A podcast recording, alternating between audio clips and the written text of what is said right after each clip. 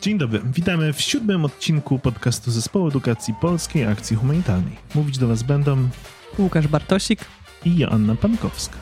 Odcinek nazwaliśmy Zakręcanie kranu nie wystarczy. Rozmawiać będziemy m.in. o śladzie wodnym w jedzeniu, ubraniach, energii i internecie. A także o konfliktach o wodę na przykładzie Boliwii nie tylko. Zaczynamy! To już nasz drugi odcinek e, podcastu o wodzie, a jeszcze nie podaliśmy najbardziej powszechnych statystyk na temat wody, które pojawiają się w każdym szanującym się materiale edukacyjnym. Jakiej? No, po pierwsze, zawsze powtarza się, że 60% masy ludzkiego ciała stanowi woda. A po drugie. To mnie zawsze pociesza. Czemu cię pocieszę?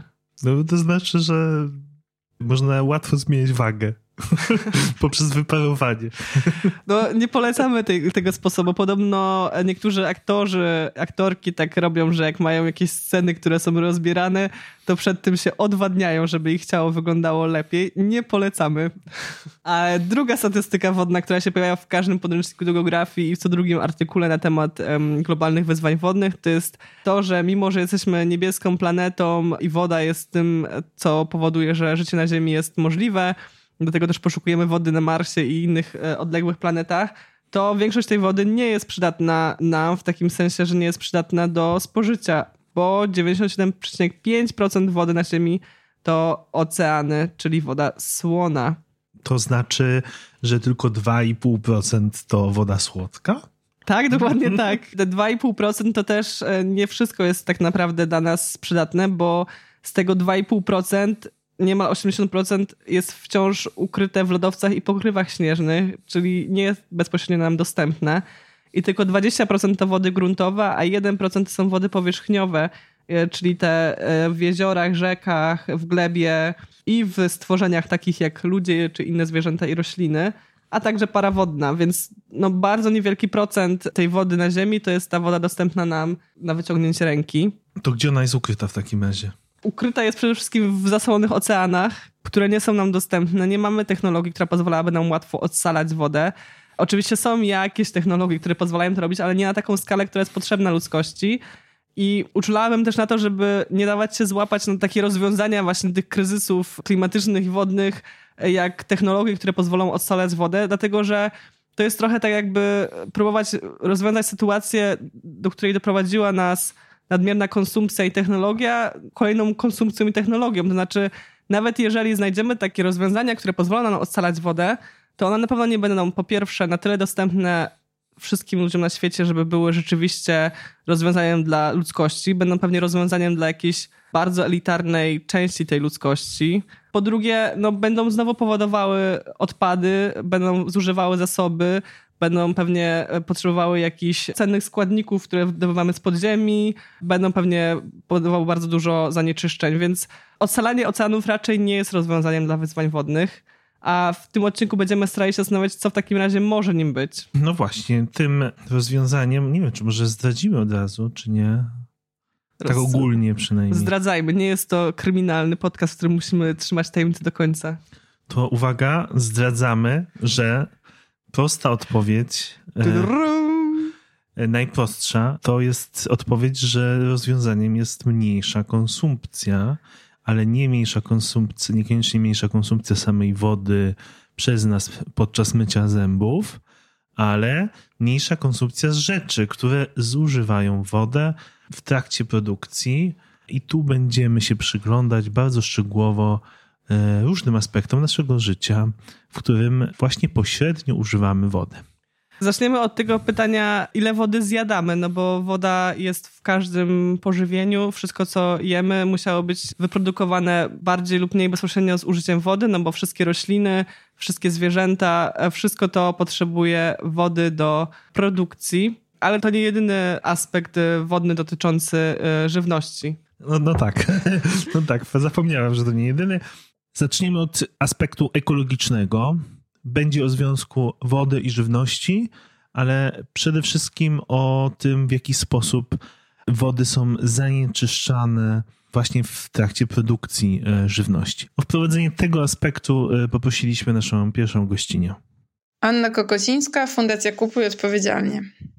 Globalny system produkcji żywności oparty jest na modelu, który ma przynosić jak najwyższy zysk. Gospodarstwa rolne zazwyczaj są nastawione na maksymalizację zysku inwestora, a nie na potrzeby żywieniowe lokalnej ludności. Wielokhektorowe uprawy oparte są na monokulturze, co w praktyce oznacza szybkie wyjałowienie ziemi oraz potrzebę używania bardzo dużej ilości pestycydów, a także nawozów sztucznych. Takie użytkowanie ziemi ma negatywny wpływ na lokalny ekosystem. Korzysta się z zasobów wody, jednocześnie często ją zanieczyszczając. Wiąże się też z wylesianiem i innymi praktykami zagrażającymi bioróżnorodności. Jak nawozy sztuczne wpływają na ekosystem? Podobnie tak jak z pestycydami. Jeśli przekroczone zostaną dozwolone normy lub używane są one niezgodnie z zachowaniem środków bezpieczeństwa, stanowią zagrożenie dla środowiska naturalnego, dla rolników oraz dla samych konsumentów. Wymywanie nawozów przez deszcz sprawia, że trafiają one z pól do wód gruntowych, kanałów wodnych, rzek oraz mórz. Skutkuje to eutrofizacją, czyli przynawożeniem wód. Eutrofizacja prowadzi do wzrostu alg i namnożenia się bakterii, które zabierają tlen potrzebny do prawidłowego funkcjonowania ekosystemów wodnych. Żyjemy w świecie globalnych połączeń, a kupowane i spożywane przez nas produkty mają wpływ na środowisko naturalne oraz jakość życia ludzi mieszkających w innych częściach świata. Warto sprawdzać, skąd pochodzą i w jakich warunkach zostały wyprodukowane kupowane przez nas produkty, a także jedzenie. Zapraszam na stronę ekonsument.pl, gdzie dostępne są różne artykuły oraz najnowsze raporty dotyczące rynku spożywczego. Można na niej znaleźć również najnowsze materiały, które powstały w ramach aktualnie prowadzonego projektu Our Food, Our Future. Powiedziałem zapowiadając, że to będzie taki aspekt ekologiczny, ale teraz sobie myślę, że ważny jest ten aspekt ekonomiczny także w tym, co powiedziała nasza gościni, bo pokazuje na tym bardzo konkretnym przykładzie ważną taką systemową rzecz. To znaczy w obecnym systemie gospodarczym mamy dużą łatwość do pomijania pewnych sfer, uznawania ich za oczywiste i nie wyceniania ich, jakby uznawania, że, że to jest taki koszt, który ponosimy. My ponosimy? Może tak. Że jest to e, koszt, którego nie ponosimy tak naprawdę, bo zużywamy coś, co i tak jest, więc jest wspólne, ale też jest niewyczerpalne itp. itd. albo e, łatwo nam go ukryć. Więc warto na to zwrócić uwagę bo gdybyśmy policzyli właśnie te zasoby środowiskowe jako realne koszty, spróbowali je wycenić, to okazałoby się, że wiele rzeczy, które uznajemy za oczywiste i potrzebne i konieczne, nie byłoby wcale takie opłacalne dla nas. Problemem tu też jest ta kwestia tego zglobalizowania produkcji, to znaczy często zupełnie inne osoby ponoszą konsekwencje, nie tylko oczywiście jedzenia, ale teraz na przykładzie jedzenia, tego gdzie jest to produkowane jedzenie, gdzie jest zaśmiecana, zanieczyszczana woda, to jest zupełnie inne miejsce niż gdzie odbywa się konsumpcja tego jedzenia później. To znaczy my nie musimy się tym przejmować, bo tego nie widzimy, bo to jest tysiące kilometrów od nas, i to jest też e, ten globalny wymiar solidarności i współodpowiedzialności za to, że my wpływamy na te zasoby wodne kogoś gdzieś dalej, bo na przykład chcemy jeść egzotyczne owoce, egzotyczne warzywa, albo kupujemy tańszy ryż, bo jest e, na przykład właśnie w niezbyt e, fajnych warunkach produkowany.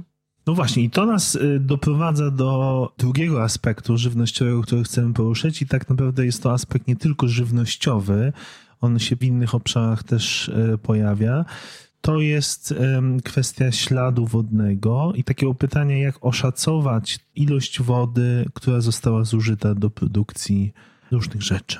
O tym opowie nam Dominika Cieślar, również z Fundacji Kupuj Odpowiedzialnie. Czym jest ślad wodny, to nic innego jak suma wody zużytej przez nas w sposób bezpośredni i pośredni.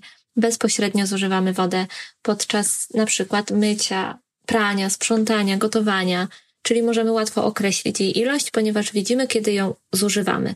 Natomiast jeżeli chodzi o pośrednie zużycie wody, ono ma miejsce przy produkcji każdej rzeczy, której używamy, którą nosimy na sobie, którą kupujemy czy tam sprzedajemy. I to właśnie ta woda użyta w procesie produkcji jest wodą wirtualną. Na ślad wodny składa się suma zużytej wody bezpośrednio i pośrednio. I może teraz przedstawię przykłady produktów, które zużywają odpowiednią ilość wody podczas produkcji. Króluje przemysł hodowlany. W przypadku jednego kilograma wołowiny potrzeba około 15 tysięcy litrów wody, by wyprodukować 1 kilo wołowiny. E, jeżeli chodzi o produkty odzwierzęce, to na przykład 1 kg sera żółtego zużywa około 3000 litrów wody, jedna szklanka mleka około 250 litrów wody. W przypadku na przykład e, miski ryżu około 2,5 tysiąca litrów jest zużywane. Do produkcji uprawy kukurydzy około 1200 litrów wody.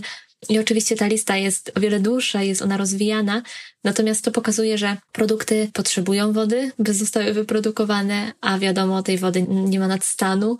Także oczywiście moim celem nie jest zachęcić Państwa do tego, by nie kupować, nie jeść i generalnie nic nie robić, ale żeby być świadomym przede wszystkim swojego śladu wodnego. Można go w ogóle sprawdzić, yy, obliczyć na takiej stronie jak Water Footprint, gdzie też są podane konkretne przykłady produktów i ile one zużywają wody. Natomiast jeszcze tak powracając, to warto zastanowić się, czy rzeczywiście daną rzecz potrzebujemy, czy ona jest nam niezbędna, bo jeżeli nie, to po prostu nie kupujmy, nie marnujmy jedzenia, tylko się nim dzielmy. Kupujmy też świadomie, odpowiedzialnie, ze sprawdzonych źródeł, z jak najmniejszym śladem wodnym i po prostu dbajmy o to, co jemy, co się ubieramy, i myślę, że to w jakiś sposób takie drobne decyzje mogą wpłynąć na, na jakość życia i na globalne zasoby wodne chociażby. Tutaj jeszcze może wspomnę o projekcie, który organizuje, w którym uczestniczy Fundacja Kupuj Odpowiedzialnie, a który nazywa się People and Planet. Jest to projekt, w którym zwracamy uwagę głównie na problemy związane z kwestiami dotyczącymi właśnie niedoboru wody, zarówno w Polsce, jak i na świecie, bo też wiemy, że w Polsce susze na przykład są coraz częstsze i tej wody wcale nie mamy, nie mamy nadstan. Dlaczego w ogóle warto się zastanawiać nad swoim śladem wodnym? Dlatego, że pewnie doprowadzi nas to do zupełnie innych wniosków, niż byśmy się spodziewali. No bo jeżeli zaczniemy obliczać to, jak zużywamy tą wodę rzeczywiście, no to się okazuje, że nie zjedzenie jednego hamburgera oszczędza więcej wody niż niebranie prysznica przez pół roku. Ja przez y, swój etap szkoły podstawowej pamiętam, że byłam przekonywana tego, że właśnie brać krótsze prysznice, żeby zakręcać wodę w kranie podczas mycia zębów, co oczywiście jest ważne i też nie zachęcam do tego, żeby puszczać wodę bez powodu, ale jeżeli uzmysłowimy sobie, że te wszystkie oszczędności nawet nie zrównoważą tego, ile wody poszło na to, że wyprodukować jednego hamburgera, no to jest to dość zaskakujące, wydaje mi się, i doprowadza nas do zupełnie innych e, zmian nawyków e, niż tylko zakręcanie wody. Nie chodzi o to, że teraz nie nakazujemy obowiązkowego weganizmu, choć oczywiście e, ja jako weganka bym się nie obraziła, ale chodzi o to, żebyśmy świadomie też ograniczyli spożycie zarówno mięsa, jak i produktów odzwierzęcych, dlatego że to jest ekologiczne, oszczędzające wodę i przede wszystkim nie potrzebujemy aż tak dużej ilości mięsa, jakie teraz spożywamy. I to chodzi o te codzienne wybory, kiedy właśnie mamy do wyboru kanapkę z szynką, serem bądź czymś innym i może nas to tak bardzo nie zaboli, że wybierzemy raz na jakiś czas z czymś innym niż serem czy szynką. Czyli jednak zachęcasz do weganizmu. Zachęcam do ograniczania spożycia. Do weganizmu zachęcam, nie, nie, nie rozkazuję. E, myślę, że wszystkie tak naprawdę organizacje okołoekologiczne w swoich materiałach w którymś momencie wspomną wybory dietetyczne jako jeden z podstawowych sposobów na to, żeby ograniczać swój ślad, zarówno wodny, e, jak i inne ślady ekologiczne. No dobrze, czyli ustaliliśmy, że lepiej być głodnym niż brudnym, tak? E, I teraz możemy przejść że do dalszej części, co jeszcze warto wykluczyć ze swojego życia. Tak na serio, to oczywiście taki przykład bliski nam pewnie, bo każdego dnia jemy, ale to nie jedyny obszar Ślad wodny ma też swoje odmiany, bo woda, która jest użyta do produkcji, ma różne wymiary. I tak niebieskim śladem wodnym nazywamy tą wodę powierzchniową bądź głębinową, która jest używana przy produkcji, czyli tą najbardziej cenną, tą, którą byśmy normalnie mogli użyć do spożycia. Zielonym śladem wodnym nazywamy wodę, która jest wodą deszczową użytą podczas produkcji, czyli jest to trochę bardziej ekologiczny sposób wykorzystywania wody. A szary ślad wodny to jest ilość wody, która została zanieczyszczona w wyniku procesu produkcji, czyli na przykład to, co było wspomniane przy różnych e, zanieczyszczeniach przy produkcji żywności, to trzeba wziąć pod uwagę właśnie nie tylko to, ile tej wody wylaliśmy na pola, ale też ile wody wokół pól później jest niezdolna do ponownego wykorzystania. Tak, zapraszamy do matematycznych różnych e, wygibasów. E, w tym pomagają kalkulatory na stronach internetowych. Water Footprint to jest taka jedna z podstawowych, więc warto sobie to przeliczyć. Jeszcze na koniec jeden przykład taki łączący te dwa aspekty, o których przedstawicielki Kuby Odpowiedzialne mówiły. To jest y, przykład awokado. To jest taki owoc, który coraz częściej gości na naszych stołach, ale szacuje się na przykład, że około 272 litry na pół kilograma, i litry wody oczywiście, zużywa się. Awokado bardzo lubi wodę i potrzebuje tej wody, aby wyrosło. Dodatkowo zwiększony popyt na awokado powoduje często wylesianie i degradację środowiska. Ta degradacja właśnie wiąże się między innymi z opryskami, o których tutaj mówiliśmy już. Więc na takim jednym konkretnym przykładzie, już nie mówiąc o transporcie tego awokado, ale na samej produkcji awokado i pokazaniu tego, jak moda na pewien, albo popularność pewnego produktu może doprowadzić do bardzo konkretnych efektów na środowisko i konsumuje ogromne ilości wody, więc y, warto sobie nad tym się zastanowić, robiąc śniadanie. No już nie wspominając o dużo bardziej przetworzonych produktach, bo teraz mówimy o takich e, warzywach, owocach, bardzo podstawowych rzeczach, ale też jeżeli kupimy, nie wiem, przetworzonego batonika, który ma nie tylko składniki w środku, ale też opakowanie i pewnie był też produkowany gdzieś dużo dalej niż koło naszego domu, no to też dużo więcej różnych składowych na ten ślad wody wchodzi. Bardzo klasycznym przykładem jest też e, kawa, która zużywa bardzo dużo wody, czekolada, czyli kakao, które zużywa bardzo o dużo nie. wody. Czekolada na pewno nie. No niestety, czekolada również. Paradoks e, tej produkcji wody na opakowania widać doskonale przy butelce wody, dlatego że do wyprodukowania półlitrowej butelki wody potrzeba kilka litrów wody, więc tak naprawdę jeżeli chcemy spożyć te pół litra, to z kranu rzeczywiście wtedy nasz ślad wodny jest pół litra, ale jeżeli kupujemy butelkę w sklepie z wodą, no to nasz ślad wielokrotnie się zwiększa. A jeżeli ta woda będzie jeszcze gdzieś e, smakowa, barwiona, i tak dalej, i tak dalej, no to odpowiednio ten ślad staje się dużo, dużo większy. Produkcja butelek to także fabryki, które konkurują o zasoby wodne z osobami fizycznymi. Przykładem takiej konkurencji, delikatnie mówiąc, e, był konflikt, który miał miejsce w Indiach, gdzie e, mieszkańcy, mieszkanki oprotestowali założenie fabryki Coca-Coli i Pepsi, ponieważ te fabryki produkujące butelki właśnie zanieczyszczały bardzo miejscową wodę, do której trafiały na przykład ciężkie metale, w tym ołów. Poza tym po prostu zabierały wodę, której nie starczało dla lokalnych rolników, farmerów. Ta sytuacja jest akurat optymistyczna o tyle, że te protesty przyniosły skutek i rzeczywiście, przynajmniej w tych konkretnych miejscach, w których e, było najbardziej nagłośnione, fabryki były zmuszone, żeby się wycofać, ale z jednej strony to pokazuje moc tego, że protesty mają sens i że oddolne działania mogą coś zmienić, ale z drugiej strony te fabryki nie zniknęły, one się przyniosły po prostu gdzieś indziej, więc być może tam już nie zyskało to aż takiej uwagi mediów, być może nie uzyskało aż takiego poparcia społecznego, ale gdzieś ta woda jest e, zatruwana i gdzieś ta woda jest zabierana, która mogła być zużyta na inne cele. Jeżeli jesteśmy już w Azji, to myślę, że to jest taki dobry pomoc do tego, żeby przejść już z tematu żywności do kolejnego aspektu bardzo bliskiemu naszemu ciału, czyli kwestii e, ubrań. Tutaj także ukryta jest woda i o odkrycie jej poprosiliśmy naszą kolejną gościnię. Cześć, nazywam się Paulina Górska.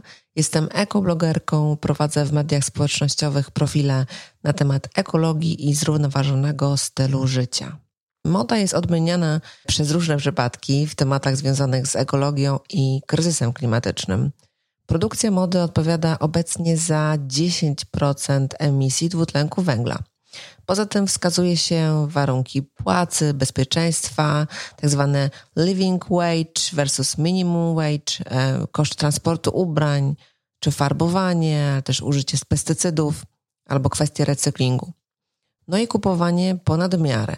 Coraz powszechniej mówi się również o modzie w kontekście wody. I tutaj bym chciała podjąć dwa tematy. Według badań ślad wodny t-shirtu to około 2500 litrów wody. Właśnie ten ślad wodny. Na pierwszy rzut oka ta liczba wydaje się przesadzona, ale ślad wodny uwzględnia całość produkcji i łańcuch dostaw, wykorzystywanie wody zarówno pośrednie, jak i bezpośrednie. Tkanina bawełniana wyprodukowana w Stanach Zjednoczonych wymaga zużycia mniejszej ilości wody od tkaniny wyprodukowanej np. w Pakistanie czy Indiach. Te liczby na pewno zatrważają. Co można zrobić? No, mniej kupować. Ekologiczna moda to też e, ta, a może przede wszystkim z drugiego obiegu. Drugi temat to mikroplastik w oceanach. Znajdowany dzisiaj już praktycznie wszędzie. E, nie tylko w oceanach, ale też w jedzeniu, w pokrywie lodowej Arktyki, na plażach, w dżunglach. Podczas badania z 2016 roku, gdzie testowano, jaką liczbę włókien zostawia po sobie jedno pranie, innymi akrylowych ubrań, okazało się, że jest to nawet 700 tysięcy sztuk. Rozwiązanie? No przede wszystkim tkaniny naturalne, ale trudno też namawiać każdego, żeby kupował tylko wełnę, jedwab, organiczną bawełnę, które często są wielokrotnie droższe. Tutaj znowu na pomoc przychodzi kupowanie z drugiego obiegu. A poza tym moda z second handów rozwijała się w ostatnich latach 21 razy szybciej aniżeli ta tradycyjna. I trzymamy za nią kciuki. Second handy mają też e, tą przyjemną cechę, że można tam często kupić nie tylko ubranie.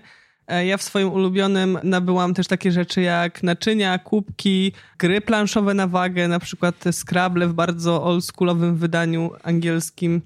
Więc e, warto pomyśleć też przy innych rzeczach niż tylko ubrania, czy da się je nabyć e, z drugiej ręki, bo oczywiście second handy to nie jedyna opcja. Jest też dużo innych możliwości nabywania tego, czy przez internet, czy w miejscach stacjonarnych. Asia, czy chcesz powiedzieć, że często bywasz w second handach? Może za często? Teraz już nie, ale muszę przyznać, że był taki okres, kiedy byłam nastolatką, kiedy puszowanie po second handach stało się w pewien sposób moim uzależnieniem, bo to też jest pewien sposób takiego gratyfikacji, odnajdywania perełek. E, może to być rzeczywiście wciągające.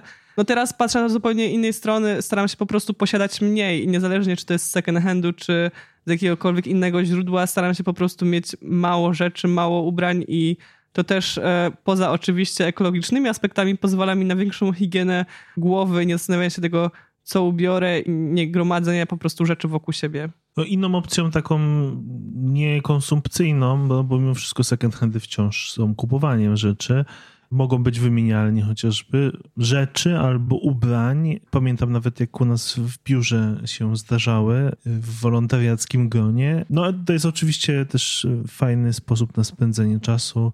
E, może jak się pandemia skończy, to będzie znowu bardziej realny do spełnienia.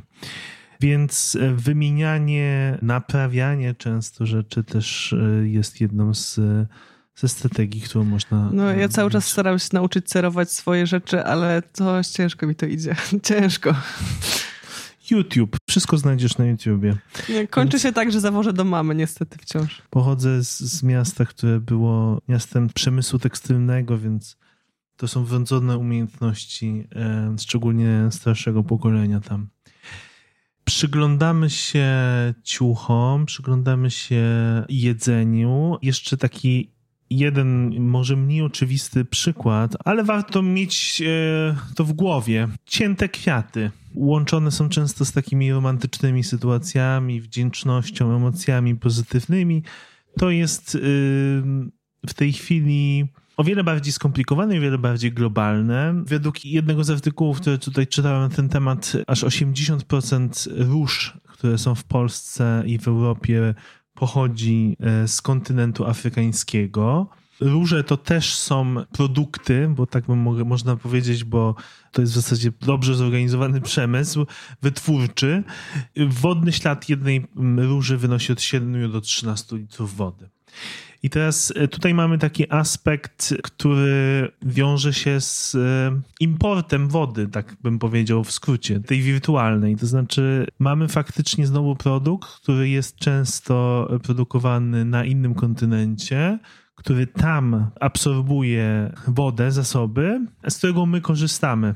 Na przykład w Kenii, przy jeziorze Najwasza jest sporo plantacji, tam doprowadziło to na przykład do dziewięciokrotnego wzrostu ludności w ciągu 30 lat i oczywiście tym samym zwiększonego zapotrzebowania na wodę, a tym głównym źródłem e, wody właśnie jest to jezioro. No i to oczywiście można sobie wyobrazić już w tej chwili, że w takich sytuacjach Mamy duże ilości substancji chemicznych, które przy nawożeniu plantacji trafiają do tego jeziora. Mamy znikające ryby i zwierzęta, obniżający się poziom wody.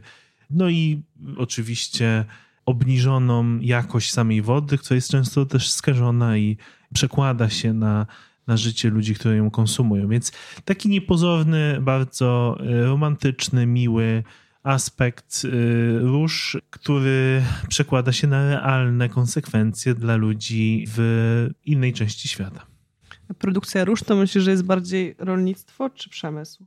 Jejku, ja, ja, ja się zastanawiam w ogóle w tej chwili, czy rolnictwo to jest rolnictwo, czy przemysł, w sensie takim, czy jakie aspekty rolnictwa są już takie nieprzemysłowe, bo mam wrażenie, że i hodowla, i rolnictwo, szczególnie takie, które, z którym się najczęściej spotykamy, to jest właśnie bardziej działalność y, w tym sensie przemysłowa, że na dużą skalę obniżająca koszty, bardziej taśma produkcyjna. Ja pytam dlatego, że bardzo częstym wykresem przy mówieniu o, o wodzie jest y, taki wykres ukazujący zużycie wody w różnych sektorach i tam użytek domowy to jest jedynie 10% na, na świecie zużycia wody, przemysł 20%, y, a 70% to rolnictwo. Tylko właśnie no, ta granica między przemysłem a rolnictwem, tak jak zauważyłeś, może być dość płynna. Co ciekawe, inaczej wygląda ten wykres pokazany dla Polski. Różnica między rolnictwem a przemysłem jest dość znaczna, bo no, szacuje się według danych GUS-u, że znacznie większy procent, bo aż 72% idzie na przemysł, a nie na rolnictwo. I skąd ta różnica? No, wskazuje się, że bardzo prawdopodobnie jest to głównie dlatego, że używamy węgla do wytwarzania energii. Jest to dużo bardziej chłonące wodę sposób wytwarzania energii niż e, inne dostępne.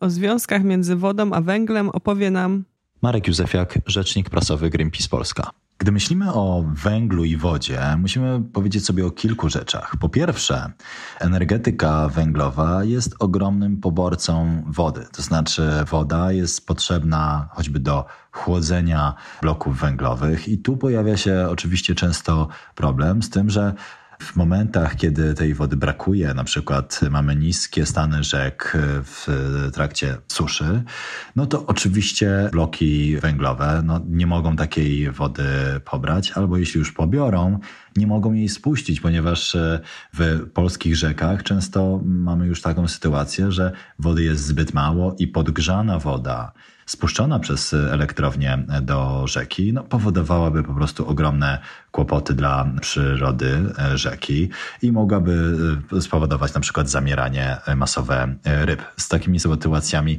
mamy niestety coraz częściej do czynienia, że właśnie elektrownie mają takie problemy, no bo po prostu susze w Polsce występują obecnie dużo częściej niż to było jeszcze kilkadziesiąt lat temu. Natomiast e, problemy z węglem i wodą zaczynają się też często dużo wcześniej. To znaczy w przypadku przykładowo kopalni odkrywkowych, żeby wydobyć sam węgiel, należy odpompować ogromne ilości wody.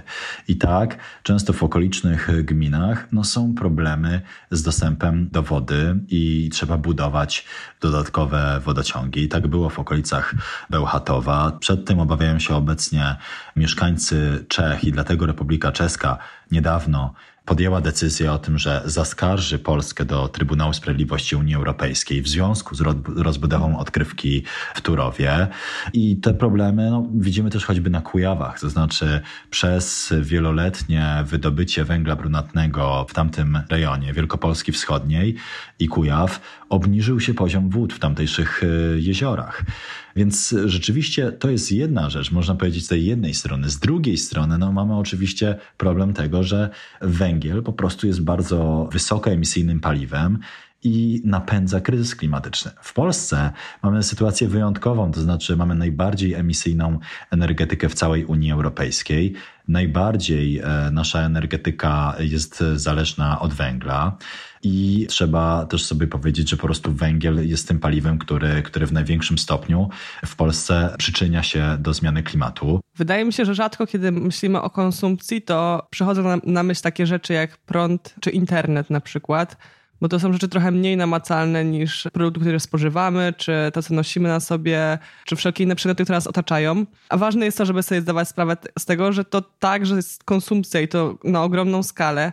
Internet, który też nam się wydaje często, że nie wiem, że to jest na przykład bardziej ekologiczne, żeby robić coś online niż na papierze i pewnie w wielu wymiarach jest to bardziej ekologiczne, bo na przykład nie, nie marnujemy zasobów e, takich jak drewno, no to jednak nie jest to bez znaczenia dla środowiska, no bo wszystko, co robimy w internecie zużywa prąd, a także wszystkie serwery potrzebują bardzo dużej ilości wody do chłodzenia. I tak naukowcy z Imperial College London wyliczyli, że do pobrania jednego gigabajta danych potrzebna 200 litrów wody. A weźmy pod uwagę, że przeciętny użytkownik w Europie Zachodniej używa około 2 gigabajtów miesięcznie. W Stanach jest to już e, blisko 4 gigabajty miesięcznie. Więc jest to naprawdę ogromne ilości wody, które idą tylko i wyłącznie na nasze użytkowanie internetu i to te 2 gigabajty to jest oczywiście w smartfonach, nie licząc tego, co jest w komputerach, w telewizorach, smartwatchach i tak dalej, i tak. Są ogromne, ogromne ilości zasobów, w tym także właśnie zasobów wodnych, które idą na chłodnie, idą też na produkcję prądu do tych wszystkich urządzeń, które pozwalają nam korzystać z internetu. I rzadko wydaje mi się, zdajemy sobie sprawę z tego, że strona internetowa też może być bardziej ekologiczna. I jaka to jest bardziej ekologiczna? To jest na przykład taka, która może niekoniecznie ma dużo ruszających się elementów i jakichś barierów, może jest lżejsza, taka, która na przykład nie ma dominującego koloru białego, gdyż ten kolor powoduje, że ekran musi wyświetlać dużo więcej światła niż na przykład ciemne barwy. Jest to dość mało jeszcze uświadomiona kwestia, ale myślę, że raczkująca też ruchy takich ekologicznych programistów, informatyków, którzy o tym myślą. Martwiące dla mnie jest niestety to, że widzę tutaj analogię z tą kwestią węgla, którą usłyszeliśmy o tym, że ta woda, która jest ocieplona przy chłodniach, którą potem wypuszczamy z powrotem do środowiska, która powoduje bardzo duże problemy dla ekosystemu, to też jest zjawisko, które występuje przy chłodniach, które potrzebne są dla internetu. I pomysły niestety gigantów internetowych idą w tym kierunku, że ekologiczne rozwiązanie to jest na przykład umieszczenie takiej chłodni w oceanie albo na przykład na Antarktydzie, co nie jestem ekspertką, ale wydaje mi się dość problematyczne pod względem tego, że będziemy zmieniać temperaturę otaczającego środowiska tych chłodni. To nie jest neutralne, że umieścimy to w zimnym miejscu, więc teraz problem się rozwiązuje. Jakby moja intuicja mówi mi, że to nie jest do końca tak ekologiczne, jak jest tam sprzedawane. W każdym razie zachęcam was do tego, żeby też zastanowić się nad tym, czy na przykład y, lecące filmiki w tle w internecie są nam potrzebne zawsze, czy może można wyłączyć na noc internet, czy może nasz telefon nie musi zawsze e, ściągać danych w tle, bo to też są zasoby i to też są ogromne ilości wody. Ale jeszcze wracając do wypowiedzi na temat węgla, to tam pojawił się taki temat jak konflikt między Czechami a Polską na temat e, zasobów wodnych i związanych z właśnie wydobyciem gdzieś przy granicy. To też jest e, wątek, którego jeszcze nie poruszyliśmy, a myślę, że wszystkim się kojarzy z tematem globalnych wyzwań wodnych, czyli konflikty o wodę. O wypowiedź o tej kwestii poprosiliśmy naszą kolejną gościnię. Joanna Gocłowska-Bolek z Ośrodka Analiz Politologicznych i Studiów nad Bezpieczeństwem Uniwersytetu Warszawskiego. W świecie gwałtownych zmian, nierównych zasobów wodnych, zanieczyszczonych jezior i rzek, rosnących potrzeb oraz zmian klimatycznych, nasz stosunek do wody szybko się zmienia. Coraz rzadziej traktujemy wodę jako zasób darmowy, nieograniczony, niewyczerpany. Coraz rzadziej używamy jej beztrosko i rozrzutnie.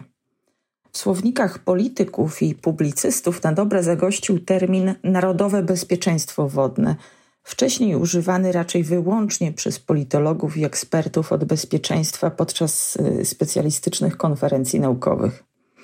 Bezpieczeństwo wodne to zdolność społeczeństw do skutecznego i kompleksowego zarządzania swoimi zasobami i usługami wodnymi dla zaspokojenia wszystkich potrzeb ludności, sektorów produkcyjnych i środowiska, ale także do poradzenia sobie z ekstremalnymi sytuacjami, na przykład y, takimi jak klęski żywiołowe. Bowiem kluczowe jest nie tylko posiadanie odpowiedniej ilości wody, zarówno pod względem dostępności fizycznej, ale i adekwatnej jakości, ale też sprawne i odpowiedzialne zarządzanie tymi zasobami. Woda stała się nie tylko problemem ekonomicznym, ale również coraz bardziej geopolitycznym. Organizacja Narodów Zjednoczonych już na początku tego stulecia ostrzegała, że o ile wiek XX, szczególnie jego ostatnie dziesięciolecia, można nazwać wiekiem wojny o czarne złoto, mając na myśli ropę naftową, to wiek, w którym obecnie żyjemy, może być wiekiem wojny o niebieskie złoto, czyli właśnie o wodę. Zresztą przed tym ostrzegał nas już wiele lat temu Ryszard Kapuściński, który w swoich reportażach z miejsc ogarniętych konfliktami dokumentował również spory o dostęp do wody. Tym bardziej, że około 60% światowych zasobów wody pitnej jest kontrolowana przez zaledwie 9 państw. O tym, jakie znaczenie może mieć uregulowanie dostępu do wody, świadczy ogromna liczba negocjacji, często bardzo skomplikowanych, wieloletnich, związanych z konfliktami o wodę lub o obiekty wodne, takie jak wspólne tamy. W ostatnim półwieczu dla zażegnania tych problemów wodnych podpisano około 200 umów międzynarodowych, ale dużo więcej konfliktów nie udało się rozwiązać do tej pory. Jeśli nie uda się wypracować globalnego, wielostronnego rozwiązania, które ułatwiłoby rozwiązywanie konfliktów lokalnych oraz międzynarodowych oraz zabezpieczyło dostęp do wody dla najsłabszych uczestników stosunków międzynarodowych, to w przyszłości prawdopodobnie nie będzie wcale lepiej, tylko gorzej. Szacunki Organizacji Narodów Zjednoczonych mówią o ponad 40 państwach w Afryce Północnej, na Bliskim Wschodzie, ale również w innych regionach świata, których główna troska w najbliższych latach to nie będzie wcale związana z surowcami energetycznymi, tylko właśnie z dostępem do zasobów wodnych. I warto pamiętać, że aż 40% ludności świata żyje na obszarach do rzeczy międzynarodowych, czyli granice państw biegną wzdłuż rzeki. Albo, co wywołuje jeszcze większe komplikacje, przecinają do rzecza w poprzek. Podobnie granice przebiegają przez jeziora, bagna, zbiorniki wód podziemnych. Co najmniej 10 rzek, dużych rzek, przepływa przez 6 lub więcej krajów. Większość państw Środkowego Wschodu posiada na przykład wspólne pokłady wód gruntowych. I to również rodzi oczywiste konflikty, zwłaszcza tam, gdzie woda, w szczególności woda czysta, zdatna do picia, do użytku domowego, nie jest dobrem powszechnie dostępnym. Taka międzynarodowa woda staje się coraz częściej przedmiotem sporów o własność, o jej użytkowanie, o prawa do niej. Rodzi też poważne konflikty w razie zanieczyszczenia, w tym zatrucia w wyniku użytkowania. Konflikty o wodę nie są zjawiskiem nowym. Toczyły się od początków istnienia cywilizacji, ale jednak dziś w obliczu ogromnego wzrostu populacji niektórych krajów oraz w obliczu zmian klimatycznych nabierają nowego znaczenia i mogą rozrastać się do poważnych zagrożeń bezpieczeństwa międzynarodowego i wewnętrznego. Woda i konflikty zbrojne łączą się ze sobą i będą się zapewne łączyć jeszcze bardziej e, z uwagi na chociażby kryzys klimatyczny. Natomiast łączą się na różne sposoby. To, co się wydaje nam najbardziej będzie nasilało, to kwestia konfliktów o zasoby wodne, konfliktów między krajami, szczególnie w tych sytuacjach, jak powiedziała nasza ekspertka, kiedy zasoby wodne są współdzielone. Takim sztandarowym, najbardziej znanym chyba obecnie przykładem jest konflikt między Etiopią a Egiptem. Jeszcze kilka okolicznych państw tam wchodzi w grę, ale to głównie te dwa są podmiotami tego konfliktu. Chodzi o budowę tamy na Nilu, którą buduje Etiopia, dla której jest to niezwykle ważny projekt z uwagi właśnie na zapotrzebowanie energetyczne też na przykład takie kraje jak Sudan liczą na to, że nadmiar tej energii wyprodukowanej przez e, elektrownię na Nilu będzie między innymi udostępniany im, sprzedawany im, więc to ma taki aspekt rozwojowy bardzo. Natomiast Egipt jest bardzo uzależniony od wody w Nilu i obawia się, że to spowoduje oczywiście ograniczenie w dostępie do wody dla jego mieszkańców i mieszkanek. Tama się buduje, konflikt się zaostrza. Dużo jest tu aspektów, tam jeszcze dochodzą aspekty ekologiczne, między innymi itp. Natomiast bardzo wizualny przykład tego, e, jak to może wyglądać. Innym sposobem oczywiście tego połączenia konfliktu i wody jest e, kwestia tego, jak podczas konfliktów zbrojnych traktowane są zasoby wodne. Zresztą to często są obiekty czy infrastruktura, która jest atakowana i przez to ludzie przestają mieć dostęp do wody. Stąd też między innymi bierze się potrzeba pomocy humanitarnej na miejscu, dlatego na przykład y, Pach y, w takich miejscach jak Irak, Jemen, wcześniej Syria miał działania wodne, tak? bo w tym momencie mamy do czynienia z po prostu z brakiem dostępu do wody dla ludzi, którzy tam są, dla cywilów, ale to mi, może mieć taki wymiar polityczno-wojskowy, tak jak jest w Palestynie i w Izraelu. Tam y, mówi się o tym, że jednym z aspektów tego konfliktu jest właśnie konflikt o zasoby wodne, które są na Bliskim Wschodzie akurat bardzo uszczuplone w stosunku do liczby osób, które tam mieszkają. Zresztą te kwestie wodne, dostępu, odcięcia, na przykład w strefie gazy ludzi od Palestyńczyków i, Palestynek od, od wody, jest po prostu pewnym narzędziem walki. To jest kolejny aspekt. No i ostatni aspekt jest taki, że po wojnie te kraje, które wychodzą po wojnie, tak naprawdę wychodzą zniszczone, wychodzą bez dostępu do wody, więc jest to też duża potrzeba pomocy, między innymi, znaczy nie tylko pomocy, no bo oczywiście też to we własnym zakresie częściowo te kraje robią, ale na pewno o wiele większa też pomocy, tak jak w Sudanie Południowym, na przykład po wieloletnim konflikcie, oddzieleniu się od Sudanu, mamy do czynienia z państwem, w którym brakuje podstawowej infrastruktury, stąd ta potrzeba. Więc mamy tu wiele połączeń wodno-konfliktowych. Tutaj akurat na przykładzie często międzynarodowym albo przynajmniej wojennym, ale niekoniecznie tak musi być. No właśnie, wydaje mi się, że nie zawsze to jest e, konflikt zbrojny, bo mamy też dużo takich przykładów, gdzie coś się dzieje wewnątrz e, kraju. Na przykład jest bardzo dużo konfliktów w Stanach Zjednoczonych między rdzennymi mieszkańcami, którzy walczą o swoje prawo do wody i dostęp do czystej wody, a także różne inne z tym związane kwestie. No i takich przykładów e, jest na pewno sporo, ale takim najbardziej znanym i rozpoznawalnym jest Boliwia, o której opowie nam trochę Adam Traczyk z Fundacji Global Lab. Aż do 2000 roku w kontekście latynoamerykańskim pojęcie wojny o wodę mogło kojarzyć się przede wszystkim z próbami odzyskania przez Boliwię dostępu do Pacyfiku. Jednak przeszło dwie dekady temu boliwijska Cochabamba stała się areną rzeczywistej wojny o wodę. Cochabamba była drugim przypadkiem w Boliwii, w którym doszło do prywatyzacji miejskiego systemu wodociągowego. Krok ten wynikał z presji ze strony Banku Światowego, który uzależniał przyznanie kredytów od polityki zgodnej z neoliberalnymi dogmatami konsensusu waszyngtońskiego. W efekcie prywatyzacji nastąpiła skokowa podwyżka cen wody, która uczyniła z niej dobro w zasadzie nieosiągalne dla wielu mieszkańców. W 2000 roku prawie 2 trzecie Boliwijczyków żyło poniżej granicy ubóstwa i podwyżka oznaczała, że wielu mieszkańców miasta musiałoby przeznaczać na opłaty za wodę nawet 1 czwartą domowego budżetu, często więcej niż na jedzenie.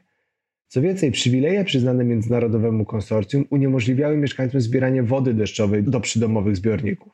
W reakcji na prywatyzację uformował się masowy społeczny ruch protestu. Władze odpowiedziały siłą, brutalnie pacyfikując wystąpienia. Ostatecznie jednak po czterech miesiącach mobilizacji protestujący zwyciężyli i rząd wycofał się z prywatyzacji. Echo wojny o wodę w Cochabambie rozniosło się natomiast po całej Boliwii, a następnie po całym świecie. Społeczna rewolta była bowiem jedną z cegiełek, która kilka lat później doprowadziła do wyboru Evo Moralesa na prezydenta Boliwii, a w konsekwencji do przyjęcia nowej konstytucji, w której w artykule 16 zawarto powszechne prawo do wody. Boliwia natomiast stała się jednym z głównych promotorów powszechnego prawa do wody na arenie międzynarodowej. Z inicjatywy w 2010 roku Zgromadzenie Ogólne ONZ uznało prawo do czystej wody pitnej za prawo człowieka. A czy w Boliwii udało się sprostać tym ideałom? Mimo poczynionych postępów jest jeszcze wiele do zrobienia. W regionach wiejskich co piąty Boliwijczyk ciągle nie ma dostępu do bieżącej wody. Co więcej, Boliwia należy do państw, które szczególnie mocno odczuwa zmiany klimatu, choć sama w niewielkim stopniu się do nich przykłada. Prowadzi to do kryzysu, jak na przykład w czasie suszy w 2016 roku, gdy w La Paz i El Alto konieczne było racjonowanie wody. Jednak historia z Cochabamby do dziś pozostaje jednym z najbardziej znanych przypadków wojny o wodę. I choć woda coraz częściej staje się punktem zapalnym konfliktów społecznych, a nawet międzynarodowych, to z Cochabamby płynie ważna lekcja. Mobilizacja społeczna może odwrócić negatywne trendy i prowadzić do politycznej zmiany w duchu solidarności społecznej i praw człowieka, w tym także prawa do wody. Ryzyko prywatyzacji wody to jest też e, częsty temat przy dyskusji o wyzwaniach wodnych. Nie wiem, czy zdajecie sobie sprawę z tego, że woda w polskich kranach jest e, darmowa. I to darmowa w takim sensie, że oczywiście nie, że nam nie płacimy, bo płacimy, ale kosztem, który pokrywamy, nie jest koszt wody jako taki, tylko koszt e, jej pozyskiwania i dostarczenia do odbiorców. Tym dostarczeniem zajmują się lokalne przedsiębiorstwa wodociągowo-kanalizacyjne i ocenie wody decydują ostatecznie radni. I to jest e, dość ważne, dlatego że jest ta kontrola demokratyczna nad tym, jak właśnie ta woda jest dostarczana, w jakiej cenie i to radni mogą też zdecydować o obniżeniu tych kosztów, przy czym oczywiście konsekwencje tego będzie ponosił budżet gminy, która będzie musiała pokryć e, ten niedobór w budżecie przedsiębiorstwa wodociągowo-kanalizacyjnego. Ale jest to dość ciekawa kwestia. Też te koszty dostarczania wody różnią się zależnie od gminy, zależnie od tego, jakie są zasoby lokalne, od tego też jak na przykład rozbudowana jest ta sieć kanalizacyjna, jak duże odległości trzeba dostarczać tą wodę i tak dalej. Koszt rzeczywiście różni się zależnie od, od miejsca e, kraju, więc e, zachęcam, żeby zainteresować się tym, jak to wygląda u Was na tle reszty. No ale nie tylko oczywiście w Polsce można rozważać kwestię darmowości bądź nie wody, bo tak bardziej globalnie woda coraz bardziej staje się towarem, czego dowodem może być to, że niedawno pojawiła się na amerykańskiej giełdzie po raz pierwszy. E, zaczęto handlować wodą tak, tak samo jak złotem czy ropą. Było tam uzasadnienie takie, że to niby dla bezpieczeństwa rolników i gmin w kontekście właśnie niedoborów wody i anomalii pogodowych zwłaszcza na zachodzie Stanów Zjednoczonych. Jednak no, jest to dość wolnorynkowa e, filozofia, która idzie w kontrze do tego, że woda jednak nie jest e, towarem, a raczej prawem człowieka. I wydaje mi się, że jest to coś, co powinno nas raczej martwić w perspektywie długoterminowej, dlatego że istnieje takie widmo kulturowo, popkulturowo pewnie w naszych głowach, takiej przyszłości, jak nie wiem, w filmie Mad Max, czy na przykład książce Octavii Butler Przypowieść o siewcy, gdzie w jakiejś takiej postapokaliptycznej e, rzeczywistości ludzie żyją przy bardzo drobnych zasobach wodnych, których tylko jakaś elitarna grupa ma do nich dostęp, a reszta musi walczyć o przeżycie, e, żeby w ogóle móc do jakiejkolwiek wody się dostać.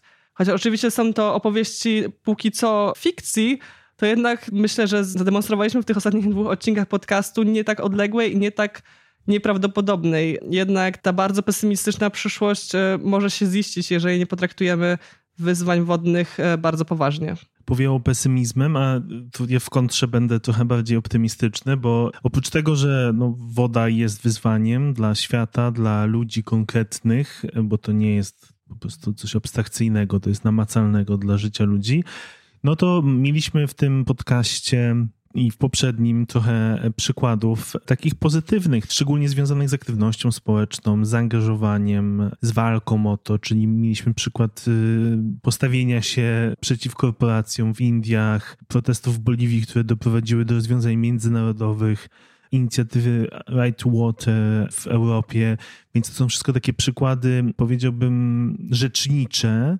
polityczne, przykłady presji w ogóle wywieranej na osoby decydujące i zmian tych decyzji, więc pod tym względem wydaje mi się, że to, to bardzo ciekawy też temat, bo pewnie temat wody będzie coraz bardziej obecny y, w naszej dyskusji publicznej, bo będziemy mieć właśnie coraz bardziej nasilające się problemy.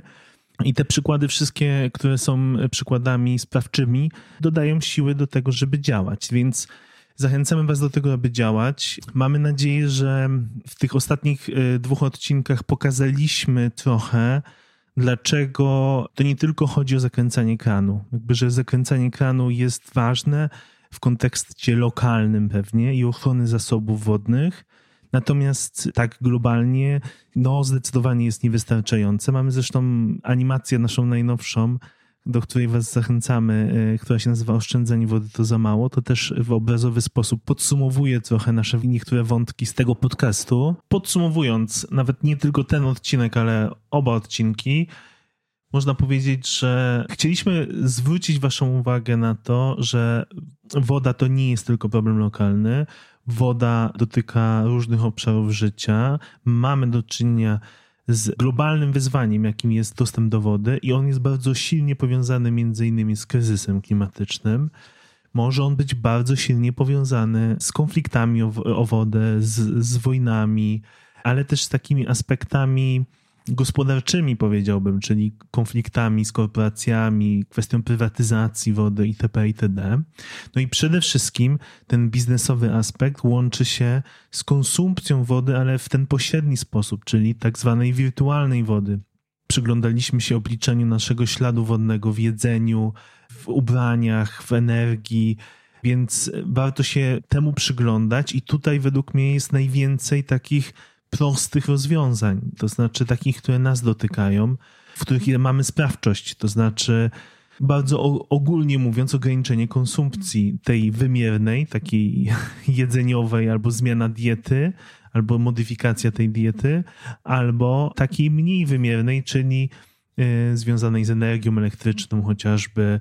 To był przykład też z naszego podcastu dzisiejszego, więc trochę opcji jest. Y, to się mam nadzieję, układa bardziej teraz jakby w takie myślenie o naszym byciu cząstką globalnych współzależności i, i wpływania, to oczywiście nieraz przytłacza takim myśleniem perspektywicznym, że może by będzie pewnie gorzej, że będziemy musieli z czegoś zrezygnować, ale jednocześnie daje bardzo konkretne możliwości do działania i do angażowania się, a do angażowania się Was bardzo zachęcamy.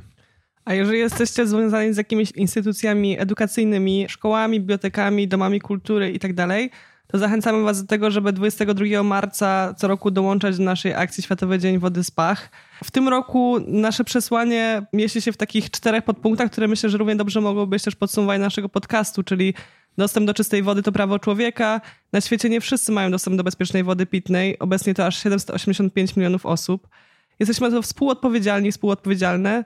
No i oszczędzanie wody to za mało. Zachęcamy do tego, żeby e, zgłębiać te tematy, nie poprzestawać tylko na tym, co my wam tutaj staraliśmy się przekazać, ale też samodzielnie pogłębiać, bo to wszystko oczywiście były tylko jakieś takie sygnały bardzo dużych i szerokich e, kwestii, które też myślę, że mogą was zaprowadzić do wielu innych wyzwań globalnych, które już niekoniecznie są wodne, ale są równie nasze, jak i globalne.